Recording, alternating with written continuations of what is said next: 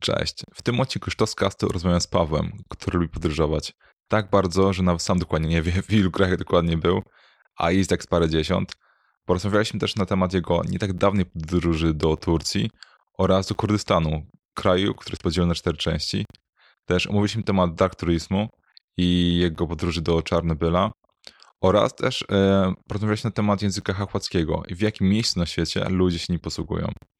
I generalnie spróbowałem uzyskać odpowiedź na tytułowe pytanie. No gdzieś ty był? Zapraszam do słuchania całej rozmowy, bo jest naprawdę ciekawa. Także dzień dobry Pawle, witam w moim podcaście, który nazywa się Sztoskas, który jest o sztosach, jak zawsze. I, mo- i możesz powiedzieć no, kilku słów o sobie.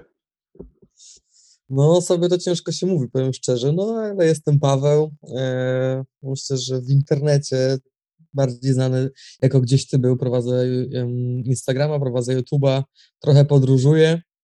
Nie lubię się nazywać podróżnikiem, ale mówię zawsze o sobie, że jestem osobą podróżującą, więc e, to jest taka moja pasja i na tym się skupiam w wolnych chwilach, kiedy tylko mogę. Mm-hmm. No super. I lubię góry. O, góry chyba to też moja pasja i też w wolnej chwili, gdy jestem w Polsce, no to e, staram się od razu uciekać w góry. Czy to Tatry, czy nie tylko, ale w każde góry są super. No spoko, dobra, bo może na samym początku powiem, jak w ogóle na ciebie wpadłem. To było tak, że przeglądałem Instagrama i tam wyświetlił mi się twój profil, napisałem z ciekawości i pierwsze story, jakie miałeś, to właśnie e, byłeś w ambasadzie serbskiej w restauracji też się w ogóle zdziwiłem, że takie coś istnieje, że wiesz, możesz wejść sobie do ambasady, do właśnie do jej restauracji. Wtedy to w trakcie pandemii tak. jeszcze. No tak, wtedy to było rzeczywiście jakiś chyba w trakcie pandemii, bo no, był w Polsce taki okres, gdzie ta pandemia była trochę luźniejsza i w sumie to były wakacje, więc można było wszędzie chodzić, wszystko działało. No i rzeczywiście w Warszawie mamy taką restaurację, która się nazywa Ambasada Serbii i znajduje się normalnie w ambasadzie, w piwnicy ambasady, gdzie można sobie wejść i zjeść serbską kuchnię. E, e, gotują tam właśnie Serbowie, więc jeśli ktoś ma okazję być w Warszawie i jeśli będzie otwarte już, to, to zapraszam serdecznie. Fajny klimacik, taki serbski, w sensie, że nie jest to wystrój jakiś nowoczesny, tylko rzeczywiście e, bardziej taki bałkański. Ja osobiście w Serbii jeszcze nie byłem, ale, mhm. ale Macedonia, Bośnia i Hercegowina, tamte rejony bardzo, bardzo podobnie e, można się poczuć w tym miejscu. O, no to spoko. Dobra, bo ty mówisz też, że było takie w takim powiedzmy letnim okresie, ale za to już tak w listopadzie, coś takiego, e, miałeś podróż za, za granicą. I to no, w listopadzie już były takie większe wiesz, za, no, zaostrzenia, czy tam restrykcje co do podróży. Powiedz mi, jak w ogóle wygląda tylko przygotowanie takiej podróży? No ja akurat e, mam ten chyba taką przypadłość, że podróżuję w momentach, gdy e, przychodzi lockdown. Pierwsza moja podróż też akurat w tym, tym pierwszym lockdownie to była mhm. właśnie Bośnia i Hercegowina, gdzie ja praktycznie tam utknąłem Mhm. E, I w czasie tego wszystkiego zamykania, chaosu, gdzie nie wiadomo było, co się będzie działo, e, właśnie wracałem. No a druga podróż rzeczywiście w październiku czy listopadzie, już nawet nie pamiętam kiedy, ale rzeczywiście byłem w Turcji i w Iraku. E, rzeczywiście wszystko było zamknięte, ale Turcja akurat była otwarta, można było tam pojechać bez żadnego testu, więc zdecydowałem się na to i no i się udało. Byłem tam miesiąc, trzy, trzy tygodnie w Turcji i tydzień w Iraku. E, da się. Da, dało się wtedy, teraz też się podobno da. Tylko taka się no, ciekawości, co w ogóle no, sprawiło, że wybrałeś Turcję i Irak? Co, no, Irak zawsze, jakby ja najbardziej lubię, w sensie najbardziej, może jeden z moich takich głównych e, e, regionów, w którymi się interesuję, to jest właśnie Bliski Wschód. Mhm. No, były, były republiki ZSRR-u, tamte rejony. E, no i Irak to, w ogóle nie planowałem Iraku. Na mhm. początku w ogóle nie było w planach żadnego Iraku, była tylko i wyłącznie Turcja. E, Turcja dlaczego? Ponieważ była jedynym krajem otwartym. Mhm. Ja też jakoś super o niej nie myślałem, ponieważ gdzieś tam kojarzy się mi, mi się kojarzy z, tym, że jest krajem turystycznym. No ja tych tak, krajów tak. turystycznych e, nie to, że je omijam, ale, ale staram się jakby, mam je na liście, ale gdzieś tam w późniejszym... Wolę takie e, bardziej dzikie, rozumiem. Tak, dokładnie. A, a w tym jest, jesteśmy w czasach, jakich jesteśmy. Otwarta była chyba wtedy Turcja, Tanzania, może Meksyk. Ja w mhm. Meksyku miałem okazję już być, Tanzania e, no daleko, drogie bilety i tak mhm. dalej, i tak dalej, więc spadło na Turcję. A tak z ciekawości, wiesz może no właśnie um, tak w porównaniu, nie wiem czy kiedyś sprawdzałeś bilety, ale było połowę tańsze te bilety, czy jedną czwartą? Tak do, do, no, podczas normalnego okresu, kiedy nie ma pandemii. że teraz były tańsze, czy Tak, nie w sensie no, jak wylatywałeś, w sensie jaką, no wiesz, jaką część te, no, te bilety były tańsze, czy nie było takiej różnicy? Co, nie do końca też wiem, jakby, jak normalnie kosztują bilety do Turcji, ale e, w tym okresie, w którym ja byłem, to miałem wrażenie, że te bilety nie były też super tanie, mhm. ponieważ ja zapłaciłem chyba za bilet 600 zł. Żartujesz w trakcie pandemii? W sensie, no okej, okay, tak. dobra, nie myślałem, że będzie o wiele tańsze. No, a można było w czasie takim e, turystycznym, sezonowym kupić bilet nawet za 150 zł. No właśnie, ale tak się zdziwiłem. Było drogo, powiem szczerze. No ale czasami trzeba, jak i tak jest mało podróży, to można czasami zainwestować te, te, te pieniądze i, i pojechać. Mm, no spoko. I potem jak przy, e, przyleciałeś do e, Istanbulu, to ten, to Istanbulu to um, potem była przesiadka do Izmiru, tak? I to też nie było planowane. Tak.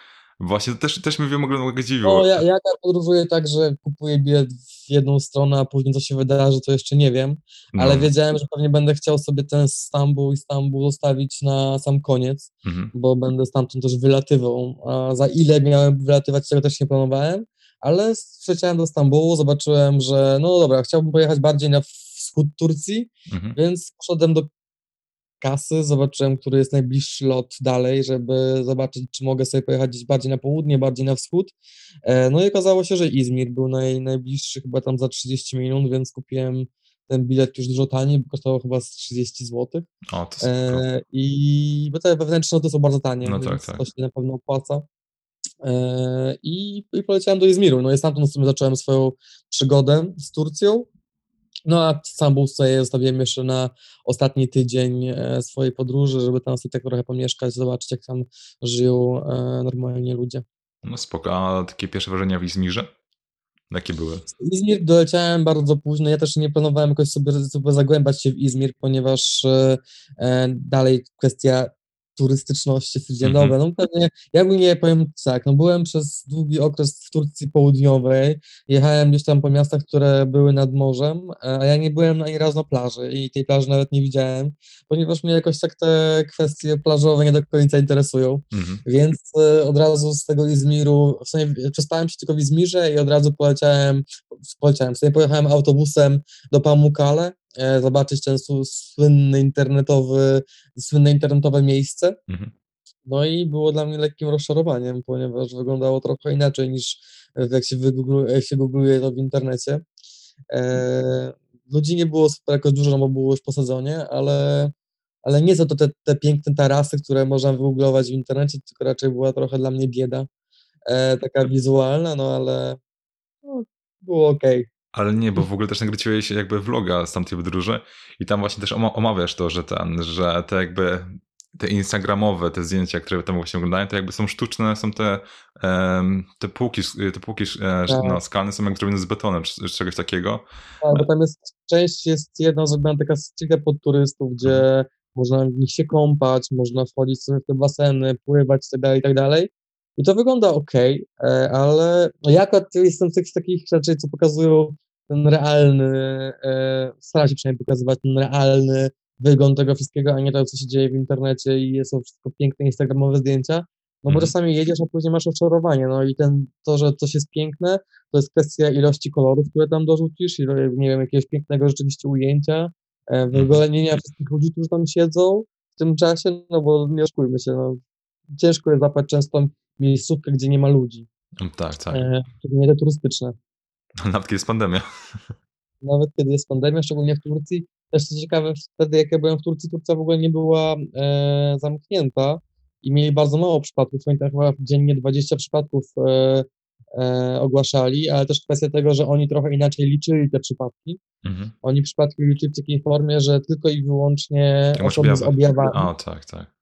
E, a bezobjawowe w ogóle nie liczyli, ale oni też bardzo mało testowali, więc no rozumiem. Raczej ale też, ale też w ogóle na twoim filmikach widać z Turcji, przepraszam, że ci przerywam, ale też tak. na filmikach generalnie, że nawet jak ludzie noszą maseczki, to też na, nie za bardzo noszą na buzi, tylko właśnie, wiesz, na podbrodem coś takiego, także niby ludzie... Tak, wtedy, wtedy tam nie, nie, e, nie działo się jakoś tak, żeby oni się, ludzie się jakkolwiek przejmowali tym, ale po moim wyjeździe z turystyki, czyli po, po miesiącu, kiedy tam, no, po miesiącu, od kiedy przyjechałem, mhm. to wszedł taki twardszy lockdown i rzeczywiście było pozamykane rzeczy, bary e, dla lokalnych osób, dla turystów dalej nie było. Okej, okay. to, to jest akurat mega dziwne, no dobra. To jest dziwne, aczkolwiek to, to Turcja jednak w dużej mierze żyje z turystyki, w sensie rozwija się z turystyki i duża część budżetu Turcji to jest turystyka, dlatego oni gdzieś tam starają się tę turystykę rozwijać mhm. i się e, no, trochę tak pewnie fejkowo, ale ale utrzymują, że są, są ok. No spoko. A jedno co w ogóle mnie ciekawi w poznawaniu innych kultur i tak dalej są właśnie ludzie. Także jakbyś powiedział, że Turcy są tacy bardzo otwarci no, dla, dla obcokrajowców, czy tacy bardziej zamknięci? Jak byś w ogóle ich opisał? Myślę, że ja się nastawiałem trochę na takie podejście, że będzie to, będą to rzeczywiście ludzie, którzy będą zagadywali, ale taki niemiły sposób. Na przykład tak jak mhm. się rok temu byłem akurat w, w Maroku i w Marrakeszu, gdzie czułem, że czujesz się taki osaczony przez tych e, mhm. Marokańczyków. Oni cię zagadują, podchodzą, chcą ci wcisnąć jakieś rzeczy na sprzedaż i tak dalej, tak dalej. I myślałem, że Turcja ma jakby podobny klimat, aczkolwiek się bardzo e, pozytywnie zaskoczyłem, ponieważ ten klimat jest e, dużo inny. Tam są ludzie bardzo mili, otwarci, nie mają problemu z gadaniem, z rozmawianiem z obcokrajowcami, ale nie są tak namolni i nie są tacy e, męczący. Są bardzo przyjemni ludzie, ja bardzo pozytywnie do nich podchodzę i, jest to dla mnie duże pozytywne zaskoczenie. Hmm. A na przykład jeśli chodzi o dogadanie się, bo wiem, że mówisz, po, e, studiowałeś germanistykę, ale też mówisz wiadomo po polsku i po angielsku. I, ale jeśli chodzi właśnie o dogadanie się, to angielski no, dawało radę, czy, czy tak ciężko, no, ciężko? ciężko bo powiem szczerze, że myślałem, że tak jak jechałem tam i wszyscy mm -hmm. mówili, a znasz niemiecki, dużo, dużo Turków jest w Niemczech, no, no, no. rodziny mają w Niemczech, więc znają niemiecki.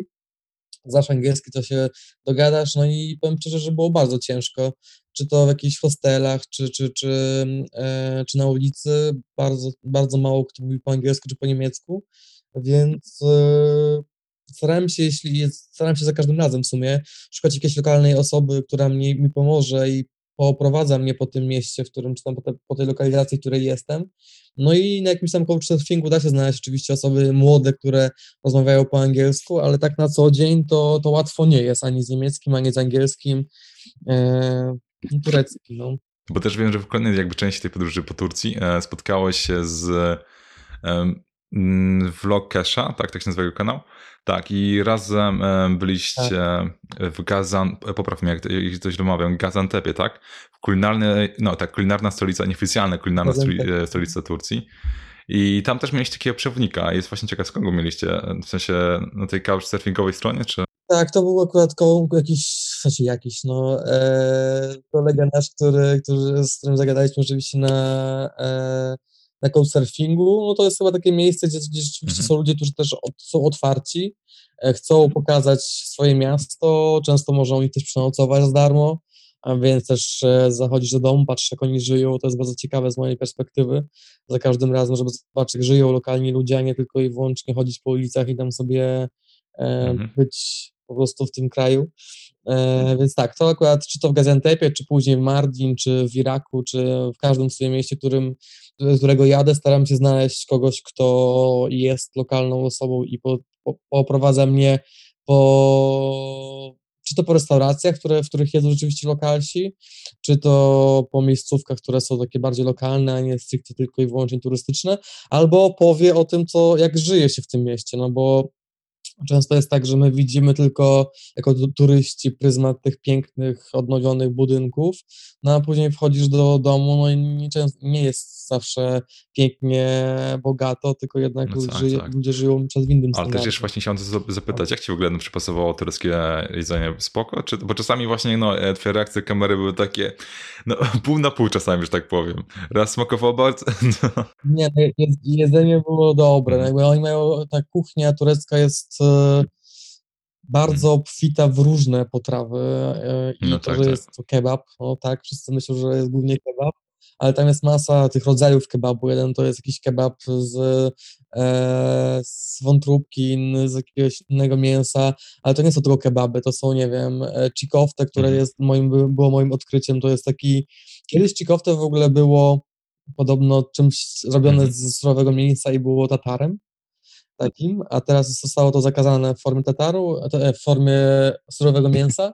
No i robią oni to z jakichś tam warzyw i jest to wegetariańska potrawa, która jest naprawdę bardzo dobra. E, warto je spróbować, jak się będzie w Turcji i trochę mi żałuję, że nie ma jej w Polsce, bo na przykład jak idziesz do kebaba, no to ciężko, mhm. ciężko znaleźć coś takiego. Bardzo polecam. Ale kuchnia bardzo dobra i bardzo różnorodna i, i dlatego też trochę przytyłem w tej Turcji, nie da się ukryć, miałem wrażenie, że ciągle tam jem, no ale... No tak, tak, ale w ogóle szczególnie, ten jeden odcinek, chyba tam cały dzień po prostu chodziliście po tym Gazantepie, e, no tak. no tak, i po prostu cały dzień po prostu chodziliście no i jedliście wszystko.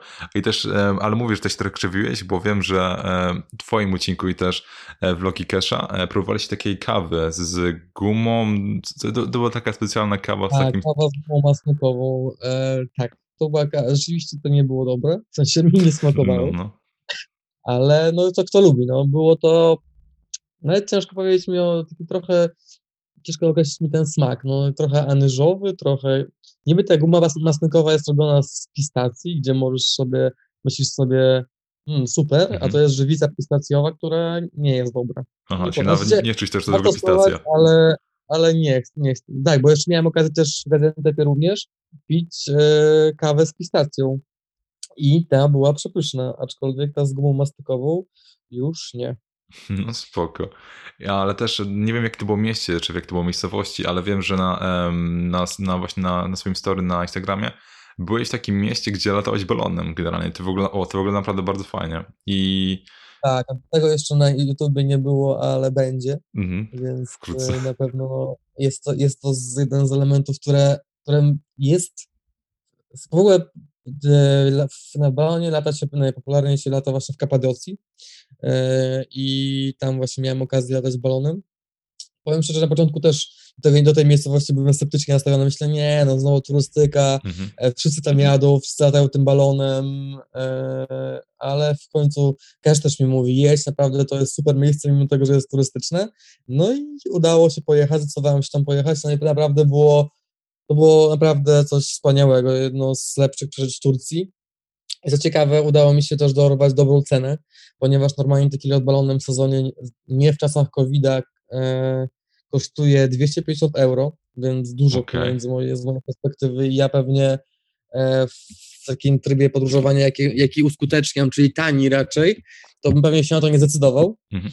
ale z tego, że jest COVID, był już po sezonie, e, udało mi się zdobyć lot balonem za 60 euro, więc jest to duża różnica versus 250, no więc tak. dobra, decyduję się na to i nie żałuję, bo naprawdę, naprawdę to był widok e, godny polecenia i godny pieniędzy. Nie wiem, czy 250 euro, a 60 na pewno. Nie, na pewno zazdro. A też w ogóle miałem cię spytać, bo ty jakby wcześniej cały czas byłeś bardziej instagramowy niż youtuberowy. Co w ogóle sprawiło, że zacząłeś w ogóle tego YouTube'a? To też mi w ogóle ciekawe. Tak, no ja jakby do tej pory e, Instagram był takim głównym moim źródłem kontaktu z ludźmi, e, takiego opowiadania o moim podróżowaniu, mm. ale w tym roku, z tego, że nowy rok, nowy ja, 2021, stwierdziłem, że trzeba się jakoś tam rozwijać, spróbować zrobić coś jeszcze innego niż tylko ten Instagram. No i stwierdziłem, że spróbuję YouTube'a. Nie jestem dobry w pisaniu, e, więc stwierdziłem, że blog, blog to nie jest e, dobre rozwiązanie. Ja też chyba bardziej częściej oglądam vlogi niż czytam blogi, mhm. dlatego stwierdziłem, że może, może właśnie YouTube. No jakby nie wiem, czy to wyjdzie, czy nie, czy wychodzi, czy nie do tej pory, ale przyjemnie się to robi, jest to coś fajnego, aczkolwiek jest to bardzo dużo pracy, powiem szczerze, e, ponieważ e, zarówno Instagram to jest dużo pracy, ponieważ trzeba zrobić stories, myśleć o tym, jakieś zdjęcia robić, trzeba, jakby to nie jest tak, że to się robi samo. Mhm. E, codziennie wieczorem trzeba usiąść do tego stories, trzeba go zro je zrobić, trzeba je złożyć, nie wiem, zrobić jakieś napisy. To zajmuje godzinę albo dwie godziny z każdego wieczoru podróży. Chociaż tak? E, no, wiesz, no, trzeba, nagrywasz dużo rzeczy, a później trzeba przejrzeć, zobaczyć, co w ogóle może być interesujące, nie? Aha.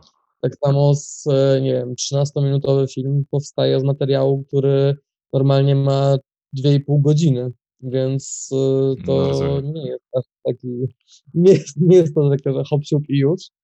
Więc e, no, łącząc to z pracą normalną jeszcze na etacie, no to to jest jakby drugi etap. A, bo też właśnie, też właśnie chciałem zapytać, bo, bo twoja, twoja normalna praca jest jakby związana też jakby social mediami, czyli twoje pracy zajmuje się social mediami, na Instagramie też to są, wiadomo, social media, jeszcze do, na YouTube. E, masz tak czasami, że wiesz, nagrywając to, robiąc to, jakby um, brakuje ci tego, że jakby nie cieszy się chwilą, tylko wszystko musi jakby nagrywać? To na pewno, no, w sensie, że można było pewnie, gdyby nie nagrywanie, gdyby nie myślenie o tym, że fajnie coś pokazać też ludziom, to pewnie bym sam mógł zobaczyć jeszcze więcej, bo pewnie bym szybciej to robił. No. E, to się szybciej bym podróżował, no bo nie spędzałbym na przykład czasami jedną stories nagrywa się 3-4 razy, żeby powiedzieć to, co ci chciał powiedzieć, tak? No, Bo no. też nie mam jakiegoś super, super daru wymowy, daru mowy, więc czasami gdzieś tam palnę jakieś głupoty, pomylę słowo, mm. powiem złą nazwę i tak dalej, więc czasami trzeba nagrać 3-4 razy. No więc no, tak to bywa, że pewnie by było szybciej, mm. ale, ale ja lubię to robić. No też gdzieś tam Myślę, że osoby, które akurat tworzą coś, e, oprócz e, samego jeżdżenia, tylko tworzą jakiś też content z tego, mhm. czy to Instagram, czy YouTube, no to gdyby tego nie lubiły robić, to by tego nie robiły.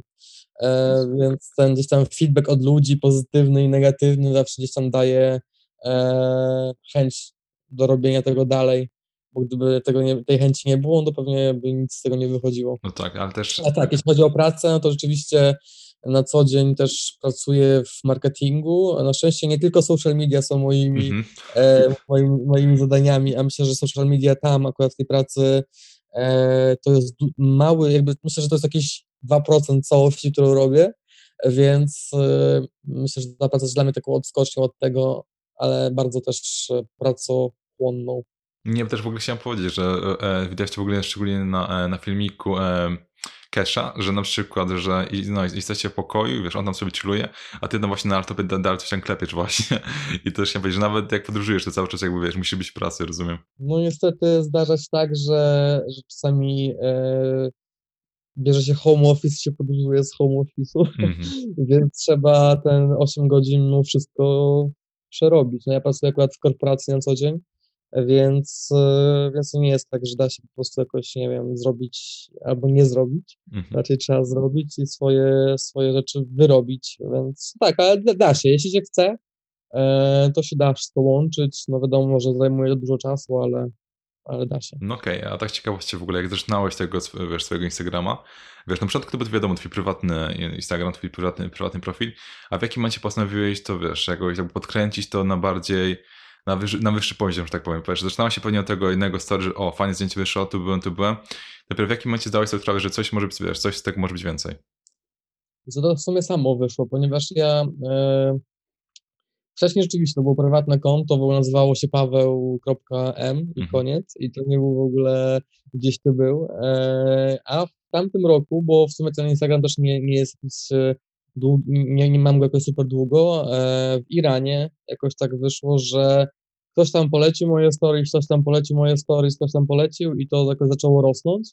E, ja też w Iranie byłem w tamtym roku jakiś dłuższy okres, Armenia i Iran wtedy łączyłem. I, I to jakoś zaczęło rosnąć, zobaczyłem, że ludzie to rzeczywiście chcą oglądać i oglądają. No i tak jakoś zacząłem się bardziej angażować, pokazując bardziej ten Iran niż, e, niż planowałem. Mhm. No i tak wyszło, no, samo wyszło w sumie. Nie było w planach, a wyszło, więc... E, rozumiem, nie miałeś wyboru, skazany na sukces, rozumiem. Nie, nie to, że nie, że nie miałem wyboru, bo oczywiście można było zrobić konto prywatne, nikt, nikt tego nie oglądał. No tak, no tak ale też no, to jest trochę takie, takie trochę, trochę, trochę próżność, no ale mhm. y, gdzieś tam chce się, żeby ludzie oglądali to, co tworzysz no tak. i jeśli mi się to podoba i dają ci znać, że, że jest to fajne, no to dotworzysz to dalej. No tak, tak. No i tak też było tutaj, że stwierdziłem, że w sumie ja też wtedy w Iranie w ogóle zmieniłem nazwę z, z Paweł na tak gdzieś tu był, A właśnie... tak spontanicznie i jakoś tak się to potoczyło dalej. No. I tak po prostu zostało, rozumiem. No gdzieś tak to był, tak, okej, okay, no spoko. A jeszcze tylko chciałem się zapytać do tego swojego YouTube tak dalej, w sensie miałeś tak czasami, że na przykład, nie wiem, kręcisz właśnie no, te story na Instagram albo coś i ludzie się pytają, co ty robisz, a ty, to jest na Instagrama, albo teraz szczególnie jak właśnie nagrywasz te vlogi, wiesz, bo to, bo to w ogóle widać też na, e, z drugiej perspektywy właśnie no, u Kesha, co nie? W sensie jak ty właśnie nagrywasz, no wiesz, masz tu, no, e, ty trzymasz rękę, no wiesz, nad daniem, czy jakbyś się tego, jesteś tego przyzwyczajony generalnie, to jakby, wiesz, ludzie się nie no, pytają? No, Nie, no ludzie często patrzą na ciebie trochę dziwnie, no Mhm. ale gadasz do telefonu, gadasz do aparatu, więc y, jest to dla niektórych ludzi dziwne. Często też jakby pewnie gdybym podróżował z kimś, to mógłby ten ktoś mieć jednak wiesz, zarzuty do tego, że nie wiem, spędzasz za dużo czasu na robieniu filmów zamiast zwiedzać właśnie. Mhm. Ale to też trzeba trochę podejść do tego tak, że robić swoje, nie przejmować się tym, co ludzie myślą. I, już, No, no. spoko, jak działa, to działa. No okej. No luz, no tylko nie, tylko chciałem... Robisz to, co chcesz. A jeśli, jeśli, jak, jeśli ktoś się przejmuje tym, co, co się. Gdybym się przejmował tym, że nie wiem, nagrywam właśnie, chodzę z telefonem cały czas i nagrywam to, Mhm. to pewnie bym tego nie robił, tak? E, oczywiście też staram się nie być cały czas z telefonem i cały czas z aparatem, no bo też mam, mam, mam momenty, w których nagrywam, mam momenty, w których nie nagrywam, Mhm. e, więc nie pokazuję 100% e, tego, co się dzieje e, w podróży, no ale mi to nie przeszkadza. No nie no, tak, tak po prostu ciekawości, no byłem, wiesz, byłem ciekaw jak to wygląda, bo nie, no bo po prostu jednak wi- widać też, że to jest, wiesz, że to się trochę wyróżnia, no właśnie na, tle- no wiesz, na tle restauracji, szczególnie jak, wiesz, masz tam Kesha, masz tam ciebie, wiesz, dwóch vlogerów w jednym miejscu, to już w ogóle takie małe zamieszanie. No, aczkolwiek myślę, że ludzie są coraz bardziej przyzwyczajeni do tego, no bo każdy ma ten telefon, każdy robi zdjęcia, no nie oszukujmy się, większość, może nie większość, ale dużo ludzi siadając do posiłku w restauracji, więc pierwsze co robi, to robi zdjęcia. No tak. No i z jednej strony jest to trochę creepy, a z drugiej strony ja osobiście, mając jakąś tam e, publikę na tym Instagramie, chcę też się podzielić i polecić ludziom, albo nie polecić to, co właśnie jem, albo gdzie właśnie jestem. Mhm. Więc e, to, żeby to zrobić, żeby pokazać, potrzebuję zrobić No tak. No tak, w sumie oczywiste. Ale jeszcze na chwilę wracając do całej jakby tureckiej przygody, bo e, byliście właśnie w tej jakby, e, byliście w, zapomniałem, Gazantrepie, Gaziantep, tak, mhm. tak, potem byliście w Mirandzie, gdzie musieliście robić testy e, na COVID, bo, e, a tam też przy okazji no, spotkaliście taką em, Turank, nie, nie jak to się odmienia, tur, Turkę? Tak, która, która jakby pracowała w, jak, przy, no, w banku czy przychodni, coś takiego, która no, wcześniej studiowała w Polsce, potem jeszcze jakby ona wy- wyszła z wami na miasto ze swoją koleżanką, też no, pokazywała wam jak, no, jak to miasto wygląda. Też w ogóle taki, taki fajny akcent był generalnie. To też, A to był przypadek tak naprawdę, ponieważ e, rzeczywiście to nie było w Miradzie, tylko w Mardin. no, przepraszam. ale, ale tak, No. Ja też mylę ciągle nazwy miejscowości, Mhm. więc, e, więc jakby jak najbardziej rozumiem. Mardin to jest miejscowość niedaleko granicy właśnie z Irakiem i Syrią i tam zdecydowaliśmy się z Keszem w sumie po jakimś tam piwie i Iraki, że po prostu jesteśmy już tak 30 km od granicy z Irakiem, No. to w sumie mm, żal by nie było skorzystać, szczególnie jesteśmy we dwóch, czy tam ten Irak e, samemu może było trochę by bym się bardziej zastanawiał nad tym, czy jechać, czy nie, ale we dwóch, e, tam przecież się nic nie wydarzy. Mhm, no. No i okazało się, rzeczywiście Irak jest otwarty, można było z Turcji przejechać tam, więc musieliśmy niestety zrobić testy, znaczy, niestety, niestety, zrobiliśmy testy na covid e, no i mieliśmy negatywny, no i udało nam się tam pojechać, a to dlaczego spotkaliśmy e, tą Turczynkę, która była też właśnie na Erasmusie w Polsce e, w banku, to dlatego, że nie można było zrobić przelewu za test, tylko musieliśmy pójść normalnie do banku, zapłacić, no i okazało się, że ta dziewczyna wzięła nasze paszporty i powiedziała, o, ja też byłam w Polsce, coś tam powiedziała dzień dobry i tak dalej, i tak dalej, więc e, zgadaliśmy się, no i mieliśmy nawet okazję później jakoś spotkać się na jakieś jeszcze e, wino i, i kolację, e, chyba nawet tego samego dnia albo dzień później e, z, z nią i z jej kuz, z kuzynką. No. No nie, w ogóle to wszystko widać w ogóle na filmiku. Takie przygody są spoko, no bo to jest coś, co właśnie nie, nie planujesz, nie szukasz, a jednak też, Taki no, spontan. powiem szczerze, że było jednak w Polsce e, No. i, i można spotkać te osoby i bardzo, bardzo chętnie też wtedy pomagają. Mm, No rozumiem.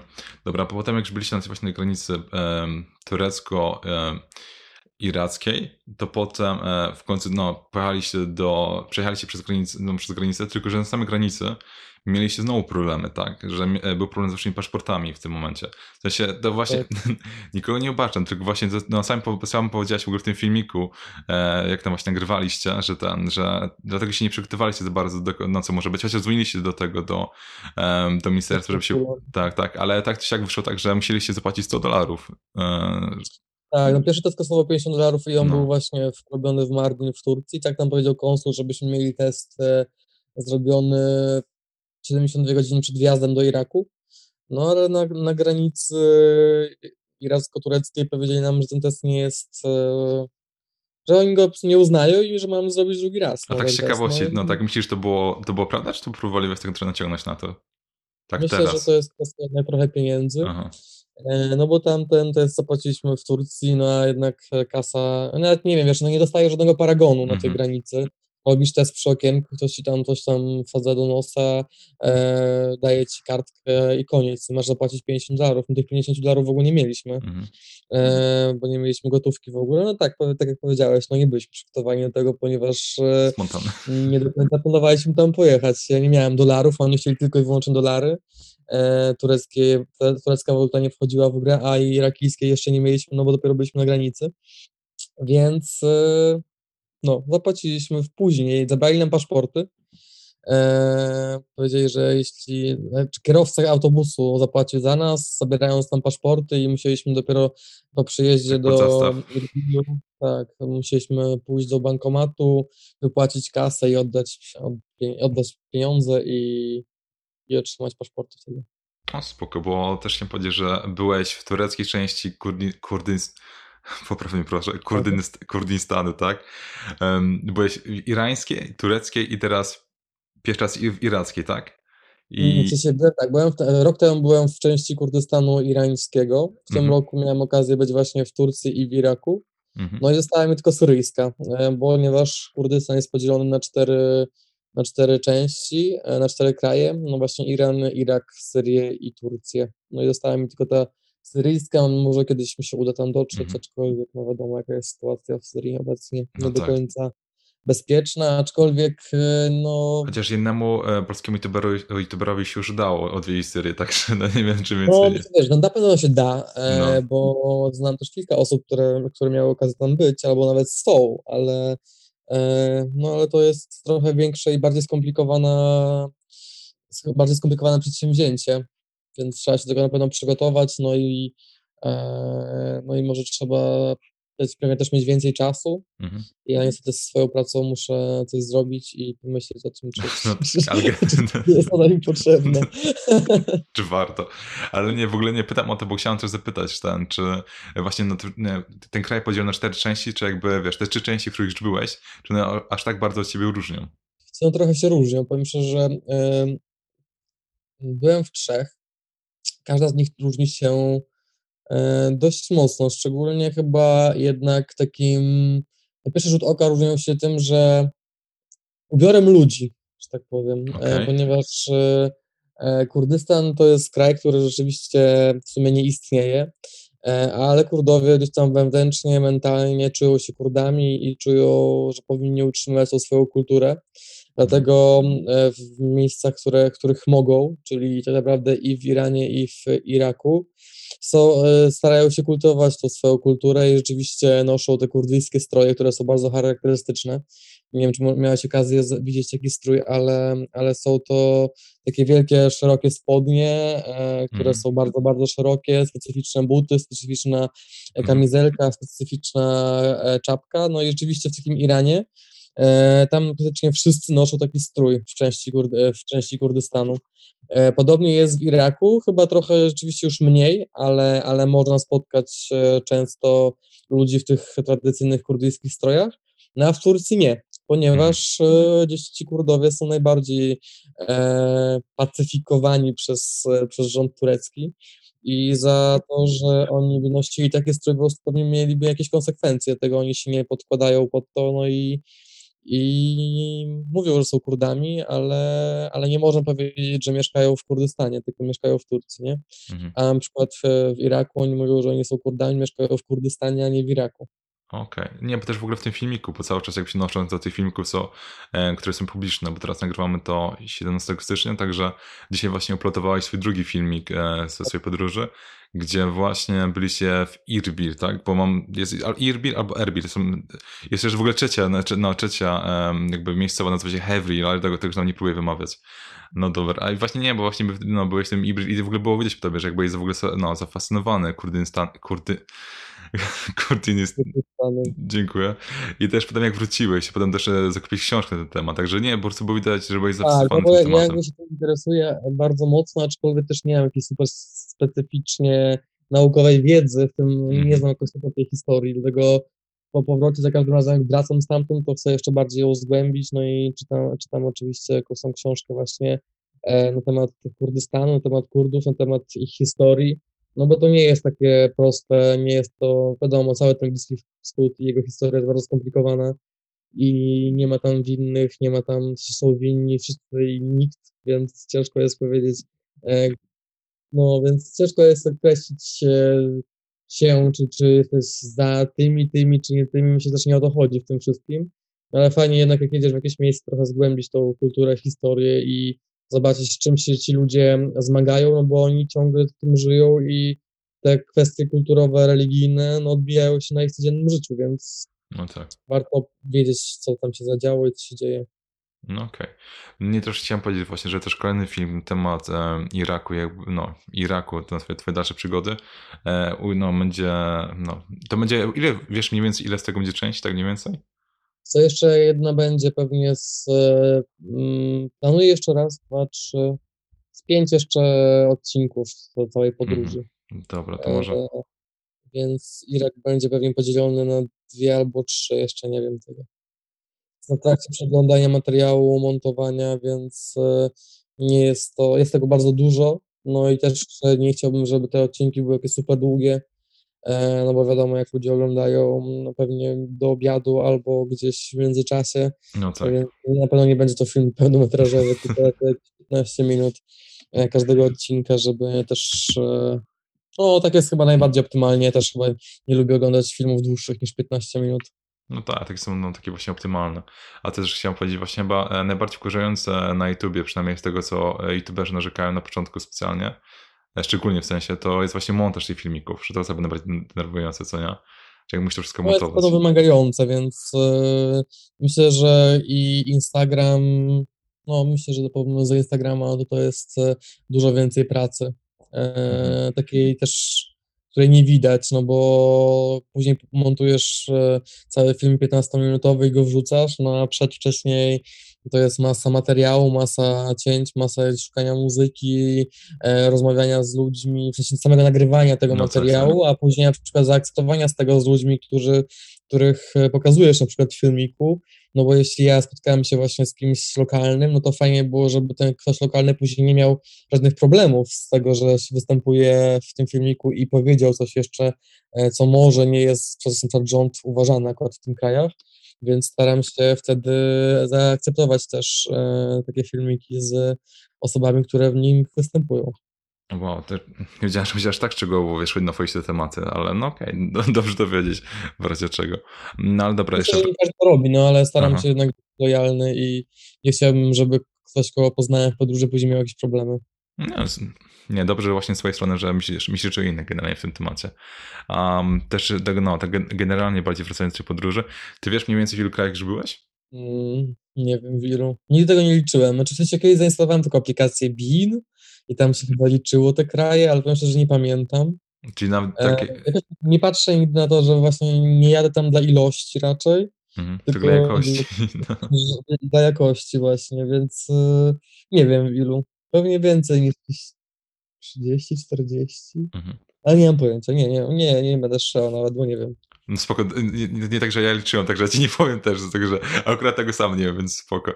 Nie, nie, bo też, um, bo wiem, że w jednym, um, był taki tekst dla robimypodróże.pl i tam um, też powiedziałeś właśnie, że jeden z twoich ulubionych krajów, no, w którym byłeś, to właśnie była Jordania. I też chciałem... A, Tak, nie tak. jest e, krajem, który chyba zrobił do mnie, znaczy w sensie, tak, no jakby to jest Bliski Wschód dalej, więc e, Mhm. coś, co gdzieś tam siedzi w moim sercu i w mojej głowie bardzo mocno. A tak szybkie No, pytanie jeszcze, bo zanim zapomnę. Ty myślisz, że na starość będziesz mieszkał w Polsce, czy jednak za granicą? Jakby już tak, wie- wiem, że tego jest daleka droga, ale tak nie wiem, jakby myślałeś kiedyś o tym, czy nie? Nie, nie myślałem o tym. Myślę, że na pewno będę chciał dalej podróżować, ale, ale myślę, że będę mieszkał jednak w Polsce, Mhm. Ale nie wiem, nie, nie, nie będę teraz nic Nie, określać. no bo nie, spoko, nie, Mój, nie. mój się zmienia, w sensie moje plany się zmieniają z dnia na dzień, więc e, nie wiem tego jeszcze. Ale na chwilę Hmm. obecną myślę sobie, że pewnie by było wygodniej w Polsce, Mhm. e, aczkolwiek e, no nie wiem, nie, nie wiem. Nie, spoko, bo nie, myślałem, że, że powiesz, że masz taki plan, nie wiem, pojechać na przykład do Włoch na starość albo coś takiego, tam swoją emeryturę, coś takiego. Włoch nie, bardziej może Jordania rzeczywiście. No właśnie, no, no do tej Jord- Jordanii teraz wracając, to powiedz mi właśnie, co tak cię w ogóle, no, jakby w niej ujęło? Chyba mi ujęło, Jordania mnie ujęła chyba jednym takim miejscem, które było dla mnie ogromnym zaskoczeniem, a mianowicie pustynia Wadirum, Mhm. która jest e, czymś, co robi ogromne wrażenie poprzez wjazd na nią i czujesz się jakbyś był na innej planecie. Dla mnie Mhm. to było coś naprawdę wyjątkowego i coś, co zapadło mi najbardziej chyba w pamięci. Mhm. E, I myślę, że tak cała- chciałbym tam wrócić, ponieważ nie byłem w Jordanii za długo, byłem chyba tydzień w Jordanii tylko. Też nie jest jakiś duży kraj, ale, ale fajnie było tam wrócić i tej, na tej pustyni Wadi Rum e, zostać trochę dłużej.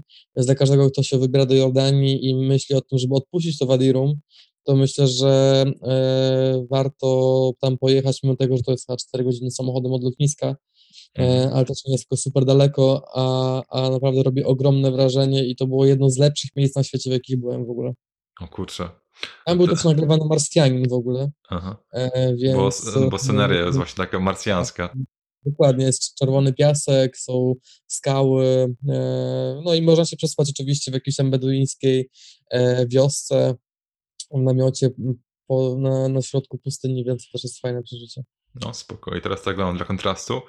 Spytam cię o najgorszy kraj, w jakim byłeś, albo gdzie miałeś najgorszą sytuację i teraz spróbuję zgadnąć, się zgadnąć, bo, e, bo wcześniej przeprowadziłeś taki 20-minutowy wywiad z swoją koleżanką z swojej miejscowości, gdzie bardzo przepraszam, zapomniałam jak się nazywa, ale jak ktoś będzie chciał, na pewno znajdzie na YouTubie, ale, ale tam też powiedziałeś, że, e, że do tej pory jedyną sytuację miałeś, gdzie ktoś ci próbował okraść, była właśnie w Maroku.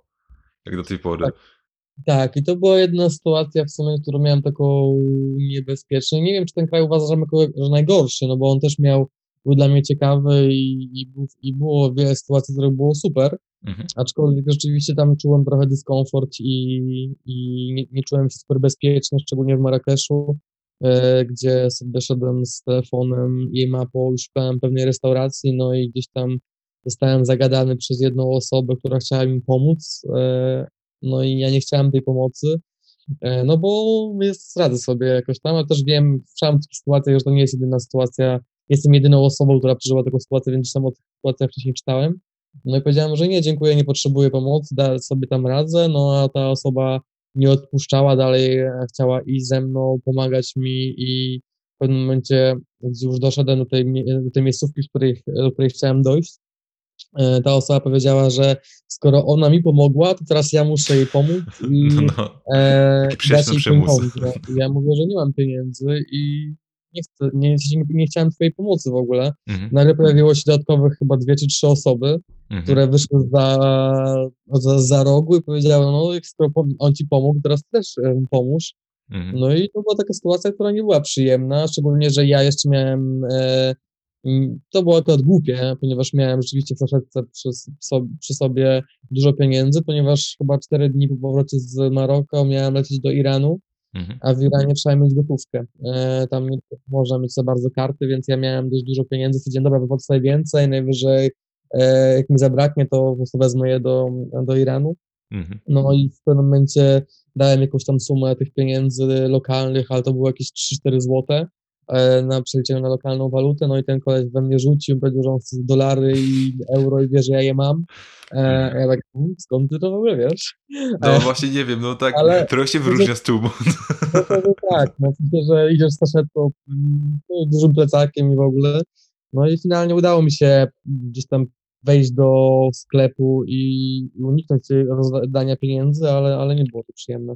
No tak. więc tak to była taka jedna sytuacja w sumie, którą miałem e, i która była nieprzyjemna do tej pory chyba. Mhm. Dobra, a, tak, a z jakich krajów taki najgorszy w sensie już, no, tak pojechałeś tam i pomyślałeś sobie, kurczę, to, to na pewno nie jest taki kraj, do którego chciałbym wrócić?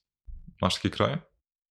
Co chyba nie, no bo ja akurat jeżdżę chyba do krajów, które, które charakteryzują się tym, że nie, podróżowanie po nich nie jest łatwe. Mhm. E, w sensie na przykład wiem, Kirgistan, Kazachstan, czy tam Ukraina, czy tego typu rzeczy, no to to oczywiście to podróżowanie nie jest takie easy, ponieważ e, na przykład w takim Kirgistanie ja akurat byłem tam z dwójką swoich znajomych, no i zabrakło nam benzyny pośrodku niczego, nie? Mhm. No i nie była łatwa sytuacja, ponieważ byliśmy e, w trójkę na stepie jakimś tam i, no i jeden samochód musiał nam spuścić benzynę ze swojego baka, żeby, żebyśmy mogli dalej dojechać do stacji, która była chyba 70 km jeszcze dalej, nie? Kurczę, Więc no. y, to były takie sytuacje, które są ciężkie i trudne, ale nie, to nie sprawia, że ja dalej nie chcę tam pojechać drugi raz, bo na przykład uważam, że Kirgistan pod względem takim natury jest jednym z moich top krajów w ogóle, w jakich byłem. O, to spoko. Góry, natura, takie jeszcze taka, taka dziewiczość i nieturystyczność, więc Mhm. y, a z takich krajów, które nie chciałbym pojechać? Nie wiem w sumie. Znaczy, bo z tego. Szwecja, bo było drogo, ale nie, A, chciałbym tam ale, ale, ale było drogo po prostu, ja staram się też e, jak najmniej pieniędzy wydawać w tych podróżach, no bo, bo po co? No, no spoko. Ale z racji tego właśnie, że ten, że wiem, że masz taką zajawkę właśnie teraz na kraje, w którym mówią po rosyjsku i też do tego też jakby szkolić się e, z rosyjskiego teraz, jakby sam się uczysz i tak dalej. To jedno, no, co chciałem też spytać, to jest w ogóle no, coś dziwne, bo w, Polsce jesteś w takiej miejscowości, która graniczy blisko Białorusi, a tam nigdy nie byłeś, tak? Tak, no ja akurat pochodzę z Włodawy, czyli e, jest to mała miejscowość, małe miasto na trójstyku Polski, Białorusi, Ukrainy. Mhm. E, no a niestety nigdy się nie uczyłem tego rosyjskiego, bo zawsze twierdziłem, że a nie, ja będę się uczył niemieckiego i e, skoro wszyscy mówią, w sensie wszyscy, myślę, że dużo osób w tamtych rejonach mówi po rosyjsku, więc ja będę inny jak zawsze i nauczę się, rosy, nie, nauczę się niemieckiego, no i skończyłem germanistykę dzięki takiemu myśleniu. Mhm. E, No i e, rzeczywiście, m, nigdy nie uczyłem się rosyjskiego, też nigdy nie byłem na Białorusi. E, Na Ukrainie miałem okazję akurat być, ale na Białorusi nie, no i żałuję tego bardzo. Aczkolwiek w tych w czasach, w których ja tam żyłem, czyli jakiś czas temu, to wtedy Białoruś jeszcze e, nie miała ob, e, tych obwodów bezwizowych, Mhm. no i żeby wjechać na Białoruś trzeba było mieć wizę, więc to nie było takie łatwe. Dlatego też nie miałem okazji tam być, aczkolwiek teraz jest to jedno z moich takich topowych marzeń. No i uczę się tego rosyjskiego pilnie, staram się. A jak ci, no, jak ci generalnie idzie? Co, no początki były spoko, ponieważ miałem wrażenie, że wszystkie słowa są bardzo podobne Mhm. do polskich i a w sumie to powiesz trochę, ja tak podróżowałem też w Kirgistanie i Kazachstanie, między innymi, że mówisz po polsku, tylko trochę zaciągasz i mówisz No, no. przejechać chleb, no i dogadujesz się, nie? Mhm. E, aczkolwiek, no, czym bardziej wchodzisz w ten język, te, tym coraz więcej słów jest innych i w ogóle Mhm. nie. Ci gubisz po prostu. No, w sensie zaczynałem się tak po prostu, wiem, że już to nie jest tak, że po prostu wszystko jest podobne, tylko każde słowo teraz jest inne i już trzeba się jego nauczyć, a nie Mhm. skojarzyć po prostu mniej więcej. E, no oczywiście gdzieś tam alfabet ciągle tłukę, no bo jest inny i trzeba go się nauczyć, zarówno pismo, pisanie, jak i czytanie jest też, e, charakteryzuje się trochę in, innym alfabetem, e, w sensie inaczej się pisze, inaczej się czyta na przykład, bo te, te litery trochę inaczej No wyglądają. tak, tak. No, aczkolwiek staram się poświęcać temu trochę czasu i no, dzięki temu też wiem, że będę mógł przejechać i Rosję, i właśnie jakiś Uzbekistan, Kirgistan, Kazachstan ponownie, ale już z takim bardziej swobodnym komunikacją, z bardziej swobodną komunikacją z lokalnymi ludźmi, a nie tylko i wyłącznie tak mniej więcej pozaciągać, Mhm. nie? Ale też chciałem spytać, bo ty e, działasz dość spontanicznie, w sensie, na, jak sam powiedziałeś na, na samym początku, na przykład jak leciałeś do Turcji, to sam do końca nie wiedziałeś, to potem takiego, wiesz, takie, e, w jakim mieście potem no, wylądujesz tak naprawdę, jak, no, jak miałeś tę przesiadkę. Tylko też chciałem spytać, jak, e, jak, mm, jakby to powiedzieć, co robisz, żeby to było w miarę bezpieczne? Po prostu wiesz, bo wiadomo, masz bliskich i tak ludzie się o ciebie martwią. I tak wiesz, jestem, jestem tutaj, nagle wiesz, brak kontaktu, ląduję tutaj. Co ty robisz, żeby wiesz, żeby uspokoić bliskich, może uspokoić ciebie, żeby żeby było wiadomo, gdzie ty w tym momencie jesteś. Kiedy nie dodasz story na Instagrama jeszcze. No właśnie, moja mama ogląda Instagrama i, i wie, że, wie, że, e, że tam jest naj, najbardziej e, real, w sensie najbardziej może aktualna moja lokalizacja. Czyli, E. czyli mama dopiero się dowiaduje na Instagramie, tak? No tak, no przecież że najczęściej no, piszę z rodzicami oczywiście jakoś tam, ale nie ma tego kontaktu tylko super dużo podczas podróży. Mhm. No ja staram się nie pakować oczywiście w sytuacje, które wydają mi się niebezpieczne No, no. e, i nie wchodzę w miejsca, gdzie, gdzie no aczkolwiek, no wiesz, no wszędzie można powiedzieć, że jest bezpiecznie, a wszędzie, a trafisz na jakąś sytuację i może być niebezpiecznie, to jest tak samo jest i z, podróży i w, i, w, i w Polsce. Możesz iść po ulicy w Warszawie i mieć nie, nieprzyjemną sytuację, a możesz przejechać całą Rosję czy Irak i nie mieć żadnej nieprzyjemnej sytuacji, mimo stereotypów, które panują w Polsce. Mhm. Więc ja bym chyba nie podchodził tak do tego, żeby, żeby się bać, tylko po prostu próbować i a nuż się uda. No, ja, ja osobiście ja osobiście e, update'uję oczywiście rodzinę raz na jakiś czas, jak mam internet, no mhm. więc wtedy tak, a tak to jolo. Spoko, nie tak po prostu do tego to pytanie, ale jeszcze też wracając do tego, um, bo kiedyś, to właśnie było w okresie świątecznym, czy, czy jakoś tak mniej więcej, że wtedy um, zrobiliście parę story na temat tego regionu, który nazywa się Polesie, gdzie na początku myślałem, dobra, to jest Podlasie, czemu, czemu w ogóle mówisz, no Polesie to jest Podlasie, tak? Myślałem, że jakaś literówka albo coś. I dopiero potem, oglądając właśnie twoje story, dowiedziałem się, czym jest w ogóle Polesie. Jeśli mówisz tak, wiesz, tak, no pokrótce może wytłumaczyć, czym w ogóle jest Polesie i czym się w ogóle różni od innych regionów. Tak, no to, to, nie, to nie jest Podlasie i dużo osób no. myśli, że jest to Podlasie. W sensie, jakby to jest e, podobne, w sensie ułożone w Polsce podobnie. Mm. Polesie Zachodnie to jest obszar, z którego ja właśnie pochodzę.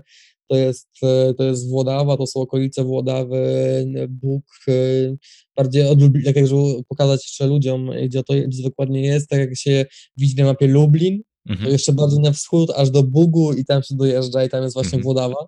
Już dalej w Polsce się pojechać nie da. Ja zawsze mówię, że na Sylwestra słychać fajerwerki najpierw z Ukrainy, mhm. godzinę wcześniej, a dopiero później w Polsce, w Włodawie, więc tam właśnie jest Włodawa. No ja po lesie e, to jest e, tak naprawdę trochę kraina geograficzna, która, która jest właśnie w tamtym rejonie. E, i rozciąga się przez, e, rozciągnięta jest na Pols w Polsce, Białorusi, na Ukrainie. Mhm. No i Włodawa właśnie leży w zachodniej części tego, tego rejonu. No i czym się charakteryzuje?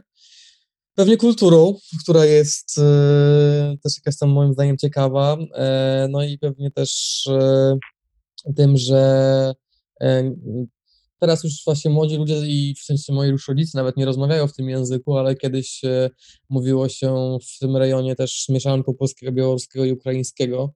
O, to super. A mianowicie w języku chachłackim e, i moja babcia e, e, mówiła w tym języku, z sąsiadami rozmawiała po chachłacku, mhm. nie po polsku. Jest taka właśnie mieszanka białoruskiego, polskiego i ukraińskiego. To jest to ciekawe, to właśnie e, hachoły chyba, to jest właśnie określenie Rosjan na Ukraińców i, i właśnie e, ponieważ oni uważają, że to jest ten ukraiński jest bardzo niedbałym językiem e, rosyjskim, więc oni nazywają to hachoły i też z tego właśnie pochodzi, od tego pochodzi nazwa języka chachłackiego, który jest takim niedbałym językiem polsko-ukraińsko-białoruskim i po prostu jest to mieszanka tych trzech języków, które gdzieś tam są jeszcze są używane przez starszych ludzi, ale coraz rzadziej i jest takie smutne, ponieważ ten język wymiera, a myślę, że to jest też coś ciekawego i takiego charakterystycznego dla tego obszaru, e, ponieważ jakby też chachłacki język chyba jest też na Podlasiu, ale tam w okolicach Hajnówki też wiem, e, ale oni tam bardziej właśnie z Białorusią sobie mieszają ten mhm. język, a my jeszcze dorzucamy, się u mnie tam się dorzuca jeszcze ukraiński, więc jest trochę no, inny. No to spoko.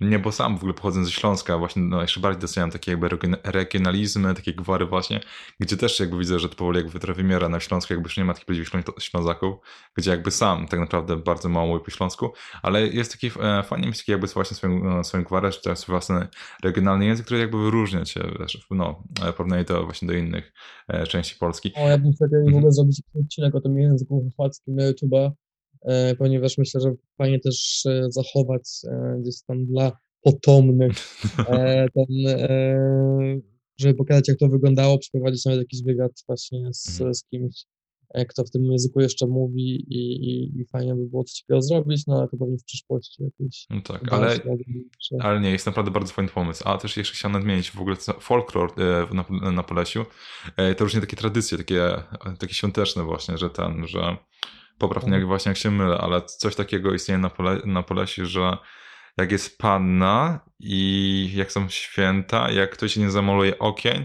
znaczy, że tak, to jest to w stylu rodzin... Proszę? Pół postu to się nazywa. A, pół postu. Tak, na pół postu się po prostu, e, no takich tradycji jest wiele, no to jest właśnie tak, ja będąc właśnie zawsze w domu, tam staram się też chcę przez ten swój Instagram przemycić e, trochę tych, tych takich tradycji z, z Polesia. Pół postu to jest jedna właśnie z nich, gdzie, e, gdzie młodzi mężczyźni, w jak jest pół postu, czyli jakby jest post i jest jego połowa, mhm. e, wychodzą gdzieś tam w nocy na wioski i na przykład wynoszą bramy e, albo malują okna właśnie na farbami e, i czy na przykład, nie wiem, wciągają wozy na dachy stodół. E, mhm. To jest coś, co już teraz jest, dalej jeszcze jest kultywowane, ale w mniejszej ilości, a, a, kiedyś to było po prostu normalnie coś, co jeśli dana kobieta była panną i mieszkała w jakimś domu, jeśli ona nie miała zamalowanych okien albo wciągniętego wozu na dach, no mhm. to wtedy uważano, że ona nie ma w ogóle, e, jak to się mówi? Nie jest atrakcyjna, mhm. więc ona... Okay. Tak, więc... E, no spoko jej też na tym zależało, żeby te okna były pomalowane. Jestem ciekaw, ile jakiś pan jakby sam malował okna w nocy, żeby nie widział. Jest to możliwe. A drugą taką tradycją na przykład jest też e, e, nie, no tych tradycji jest bardzo dużo, no więc mhm. chciałem powiedzieć o tradycji, która nie pamiętam, teraz wypadła mi z głowy nazwa tego, e, o, o, tradycji w Słowatyczach, o tej też, nie wiem, czy miałeś okazję zobaczyć na moim Instagramie. Mm, przypomnij mi, czym było? Brodaczy ze Słowatycz. Nie, nie kojarzę. E, to jest taki też 29 i 30 grudnia e, jest taki konkurs bro, brodaczy. A, tak, tak, to widziałam. Wybierają się właśnie mhm. e, mieszkańcy Słowatycz za brodaczy, no i wychodzą na miasto i tak trochę straszą e, mieszkańców, no i później gdzieś tam się wybiera tego brodacza e, najlepszego brodacza. No i też to mhm. jest ciekawe, bo ten e, nie wiadomo skąd, taką, skąd, skąd, ta tradycja się wzięła w Słowatyczach, mhm. no ale jest od chyba tam e, nie wiadomo też od kiedy, ale najstarsi mieszkańcy Słowatycz e, ciągle ją znają i kultywują. To jest takie ciekawe, że, że, że takie, takie, takie tradycje są i, i myślę, że w sumie w każdej rejonie Polski coś takiego istnieje. E, no ale tam te, na tym Polesiu rzeczywiście takich mieszanki ukraińsko-białorusko-polskiej jest dużo i, i, myślę, że to jest, mnie to ciekawi. No tak, no szczerze mi też bardzo ciekawi, dlatego właśnie wydaje mi się, że takie tradycje trzeba naprawdę zachowywać, żeby je naprawdę też doceniać, bo no kurczę, no z biegiem czasu będzie ich coraz mniej, to jakby osób, które te, te, te no, tradycje jakby praktykują jeszcze, także no mówię, jeśli ktoś no właśnie tego słucha i ma taką, nie wiem, lokalną tradycję u siebie w miejscowości czy w okolicy, no to mówię, warto właśnie z niej korzystać, póki jeszcze jest, bo tak, no, no, tak naprawdę nie wiemy, ile to jeszcze będzie trwać. A też no, co... Na przykład te roczniki nasze gdzieś tam e, jakoś nie, jest, nie jesteśmy skorzy do kultywowania tego typu rzeczy, więc e, niestety, ale wiele rzeczy pewnie za jakiś czas przestanie istnieć, a, mhm. a warto no to o tym myśleć i, i, i próbować chociaż coś tam z tym zrobić. Mhm. No tak. I teraz odbierając dość mocno w sumie od tematu, ale też chciałem cię spytać o cały ten e, dark tourism. Lub jak ktoś powiedział na twoim, na twoim story na Instagramie, jakie tiramisu. Bo to, tak, to właśnie takie, no jak mówiłeś o dark, no, dark tourismie, ktoś właśnie pytał się, o jakie tiramisu ci chodzi?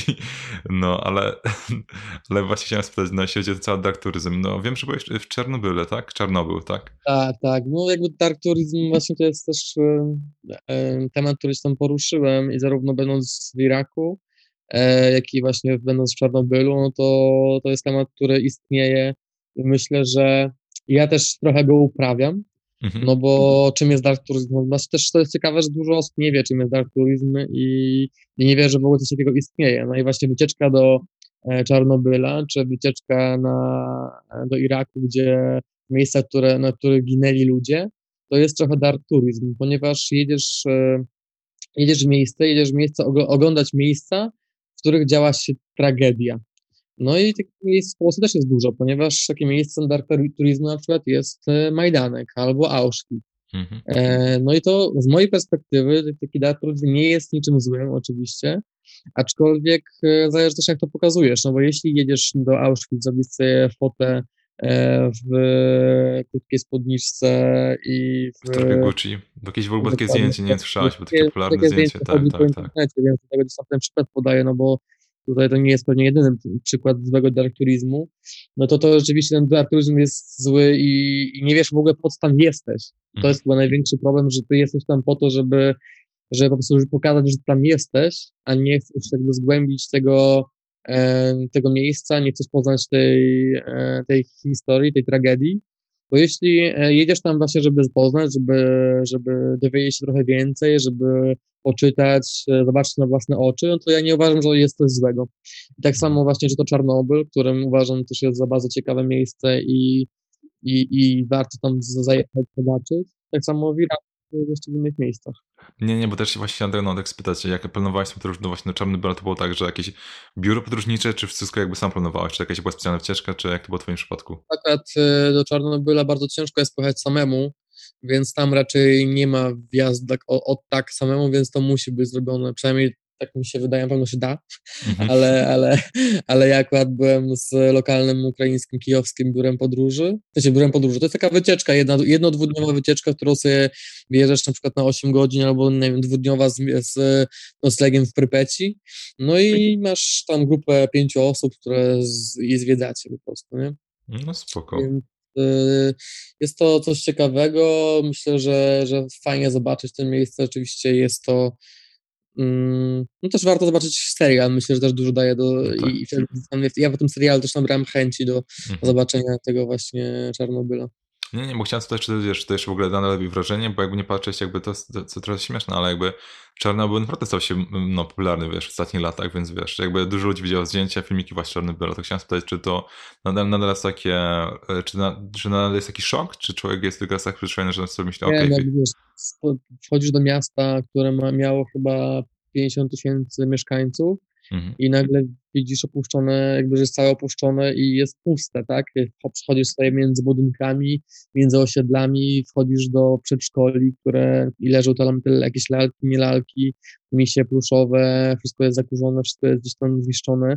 E, wchodzisz między, nie wiem, do parku rozrywki, który widzisz, że jakby jest zardzewiały i opuszczony. No jakby to robią na mnie, ja lubię takie klimaty, e, tego takiego trochę urbexu też. No. E, na mnie to robi ogromne wrażenie i gdzieś tam taki element zadumy, e, co się tu wydarzyło rzeczywiście i rzeczywiście, że to nie było od tak sobie ludzie się prowadzili, tylko rzeczywiście zadziała się tam jakaś tragedia. I na mnie robi to ogromne wrażenie, no pewnie nie na wszystkich, no jedni, ja też nigdy nie, nie, nie, nie namawiam, znaczy, mówię, że polecam albo nie polecam, ale nie, w sensie, że jak ktoś się na coś pyta, czy coś, albo czy jest bezpiecznie, to staram się powiedzieć, że no bezpiecznie, w tym momencie, w którym ja byłem, dla mnie było bezpiecznie, ale jak ty powiedziałeś, może być bezpiecznie.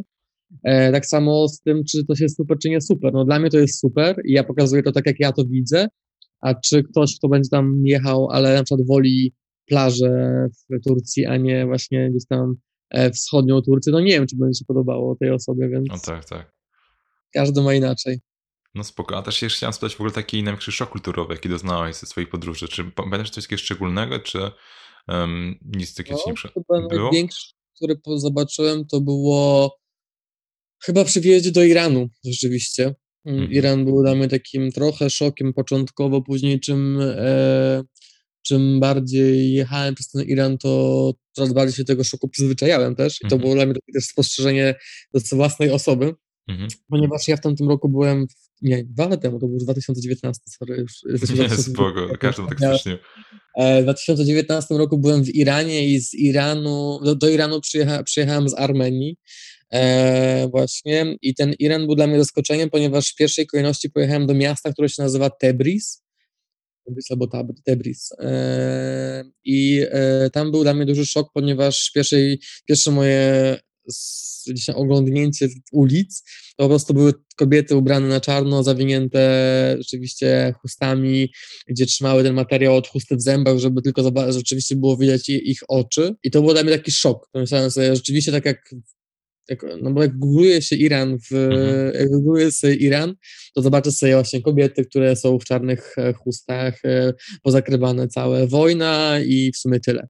E, no i tak sobie wszyscy mówią, że w tym Iranie rzeczywiście jest ładnie, jest pięknie. No ja wjeżdżając na północ Iranu, która jest też bardziej e, konserwatywna niż południe, mhm. rzeczywiście stwierdziłem, oho, jest rzeczywiście tak jak w tym, e, jak w tym internecie. Mhm. No i, e, i był to dla mnie duży szok na początku, ale czym bardziej na południe, czym, czym bliżej e, właśnie miasta Shiraz, też gdzieś tam Teheranu, to, to, to, gdzieś tam te kobiety były bardziej rozebrane, aczkolwiek zawsze z chustą na głowie, e, ale nie tak e, konserwatywne mam wrażenie jak na północy. I to był dla mnie taki chyba duży szok, aczkolwiek później jak widziałem na przykład, to jest też trochę to jest też dziwne i, i ciekawe, jak, jak, jak ja się na przykład zmieniam w czasie podróży, gdzie na przykład dla mnie pierwsze chwile w Iranie myślę, o nie, rzeczywiście te kobiety są e, tłamszone, rzeczywiście bardzo są biedne, mhm. że muszą nosić cały czas tą chustę na głowie, a po trzech tygodniach w Iranie, jak zobaczyłem kobietę bez chusty, to sobie myślisz, ej, laska, nałóż tą chustę. Więc to jest kwestia jakby też przyzwyczajenia, wpajania tego tobie pewnie w głowę, co jest dobre, no i, e, no i tak sobie wtedy się zapałem, że rzeczywiście będąc całe życie w Iranie, pewnie gdybym tam mieszkał, to pewnie bym e, też mówił, hej, nie zdejmuj chusty, powinno się unosić na przykład, mm. nie? To jest takie, wtedy tak się złapałem, sam, sam się złapałem na tym, że... Nie, to jest akurat ciekawe. No, to jest takie coś, co się właśnie... Ale tak swoją drogą też słyszałem, że tego, że Irańczycy, Irańczycy są bardzo e, przyjaźni w stosunku do Polaków. E, to, nie, tak szczególnie niby w stosunku do Polaków, nie do Amerykanów, wiadomo z jakich powodów. I tak, tak samo to czułeś, czy tak po prostu... Tak, to nie jest kwestia tylko Polaków, tylko ogólnie zagranicznych ludzi, bo myślę, że oni, do, myślę, że normalnie zwykli ludzie, tak jak ja rozmawiałem z nimi, miałem okazję dużo poznać akurat lokalnych ludzi w Iranie, e, myślę, że oni są pozytywnie nastawieni ogólnie do wszystkich i nie mają problemu z tym, czy to jest Amerykanin, Polak, e, Rosjanin, czy ktokolwiek inny. Tak przynajmniej takie odczułem, takie odniosłem wrażenie.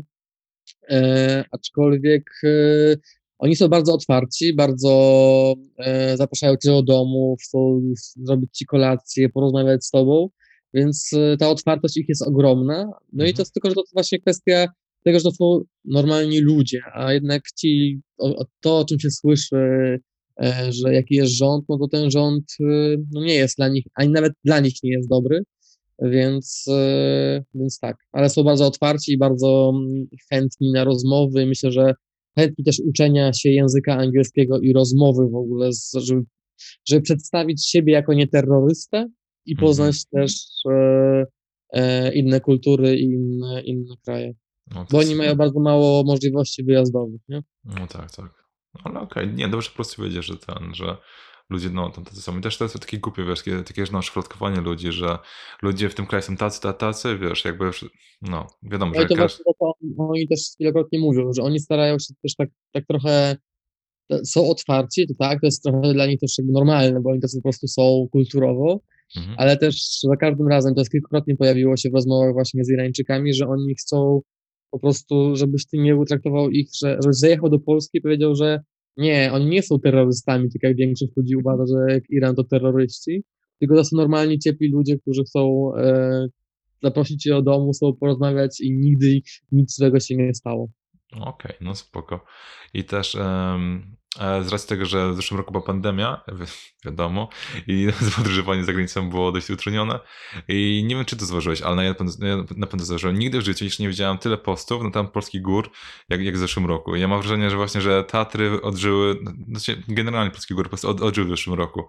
No, także to jest po prostu, szczególnie w lato, prawie każdy, no, na Instagramie, no, jak przeglądałem, to prawie każdy był w Tatrach w pewnym momencie, albo czy tam Beskidach, czy gdzieś tam. No, no to akurat to jest z jednej strony fajne, a z drugiej nie fajne ponieważ... E, Większe tłoki. Większe tłok na tych, no ale wiadomo, mhm. nie, to, są dla wszystkich, a mhm. skoro ludzie nie mogą wyjechać, no to muszą gdzieś pojechać, nie? No tak. No i tak. myślę, że tak jak Polska, no to góry i morze to są dwa takie miejsca, gdzie po prostu ludzie jadą. Aczkolwiek z mojej perspektywy, powiem Ci szczerze, która tak e, przemycę jedną reklamę miejsca okay. w Polsce, to jest Suwalszczyzna, to jest moim ogromnym odkryciem tegorocznym. Mm -hmm. Ja nigdy nie, tam nie byłem wcześniej, nie tegorocznym, tylko zeszłorocznym. E, nigdy tam nie byłem wcześniej, e, nigdy nie myślałem o tym, żeby było tam jechać. E, no ale wiadomo, pandemia, jedziesz, mhm. gdzie, gdzieś trzeba coś znaleźć, gdzie się jeszcze nie było. No i miałem okazję być właśnie na Suwalszczyźnie i, i powiem że to był naprawdę dla mnie ogromny szok, jak tam jest pięknie. Okay. E, polecam pojechać na przykład na, na mosty w Stańczykach. Nie wiem, czy miałeś okazję słyszeć. Nie, nie, o, akurat właśnie tam nie, na tym nie byłem. Google sobie. E, na pewno jest to szok. E, wygląda to jak w, e, na Sri Lance takie wielkie mosty. Oh, wow. Więc naprawdę i, i jeziora i w ogóle mhm. pięknie.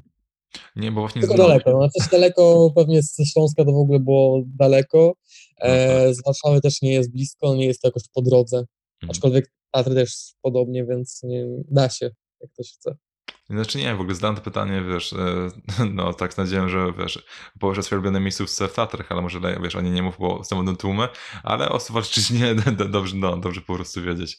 No okej. Co ja Mhm. jeśli chodzi o Tatry, to zawsze właśnie jestem z tych, co niby Tatry, Tatry są najlepsze, a inne góry nie. W sensie, że inne góry to już nie są takie super góry jak Tatry, wysokie. Mhm. Aczkolwiek w tym roku też się trochę otworzyłem na inne góry i miałem okazję być i w Karkonoszach, i e, w Gorcach, i w Beskidach, e, i, i dałem im szansę, Mhm. innym górom, i dalej Tatry są moje, najgłębiej w moim sercu, ale, ale, ale inne też są spoko.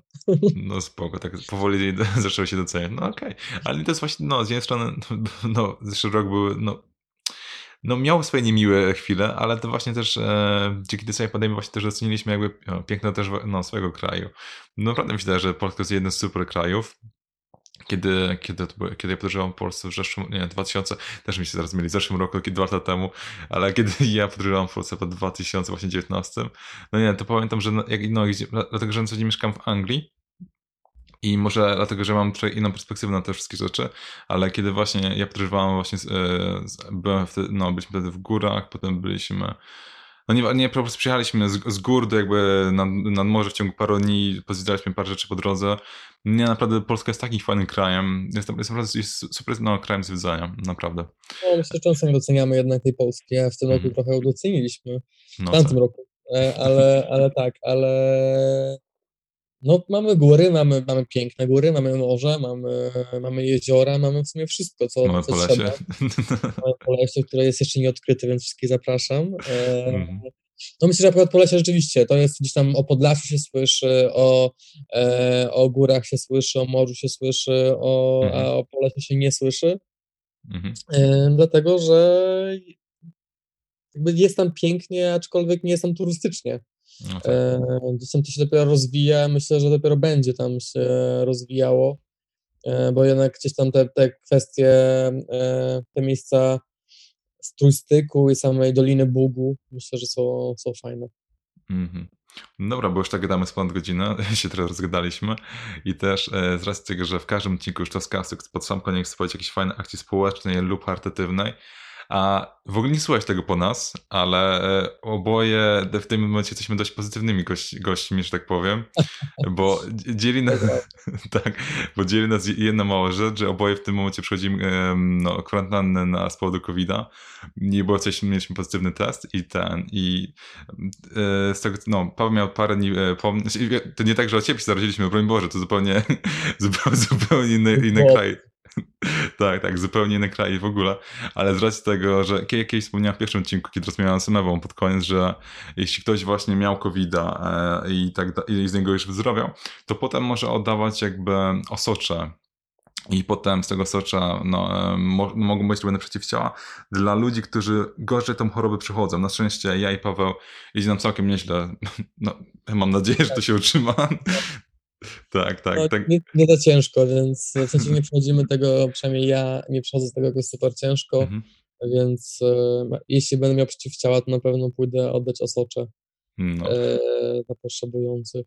No, no to mówię, to ja tak samo, także na całe szczęście ten, na całe szczęście idzie nam w miarę to spoko. I także też, jeśli ktoś na przykład w miarę, no teraz tego słucha i sam choruje na COVID w domu i tak właśnie ma tą kwarantannę, no to polecam, że już po tym wszystkim, jak już jakby zrobię chyba 14 dni, właśnie trzeba poczekać, to potem się można zgłosić do najlepszego krwiodawstwa i tam no, dadzą wszystkie szczegóły.